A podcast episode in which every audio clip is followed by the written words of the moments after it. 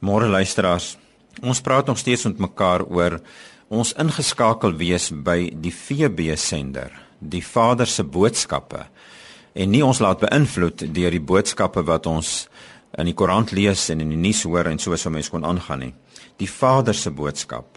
Nou een van die boodskappe van die Vader wat my baie inspireer in hierdie dae is dit wat staan in Romeine 12 vers 1 wat sê gee julleself aan hom aan God as lewende en heilige offers wat vir hom aanneemlik is. Ons moet onsself vir hom gee as 'n offer. Nou wat beteken dit eintlik? Die dag toe ek en jy by God uitgekom het, mense sou kon sê jou bekeringsdag, Uh, ons praat mos daarvan en sê vir mekaar ek het so en so by daai geleentheid het ek die Here aangeneem. Wat die dag daar gebeur het is dat hy vir my bewus gemaak het daarvan dat hy my liefhet. Hy het my bewus gemaak van sy liefde vir my. So mense sou eintlik ons sê hy het my bewus gemaak daarvan dat hy my aangeneem het. En nou is die res van my lewe my manier my my lewe van elke dag, die keuses van elke dag is die manier waarop ek hom telkens aanneem dat ek elke in elke situasie moet besluit. Ek kies om onder hom in te skuif. Ek kies om te glo dat hy my aangeneem het. Ek kies om te glo hy het my lief. Ek kies om te glo hy sal my nie in die steek laat nie. Ek kies om te glo hy sal end uit hierdie pad met my stap.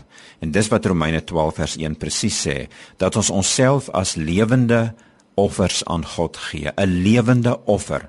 Terwyl ek hier op aarde vol in die lewe staan, kan ek in elke situasie kies. Ek gaan nie na my vlees luister nie.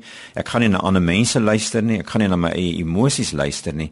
Ek skuif onder God in en ek glo wat hy sê wat waar is van my.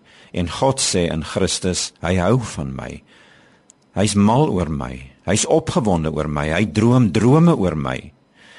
Weet julle wat is vir my net so belangrik om sommer gou hier by te sê? As ons dink aan geestelike oorlogvoering in Efesiërs 6 is dit vir my presies dieselfde.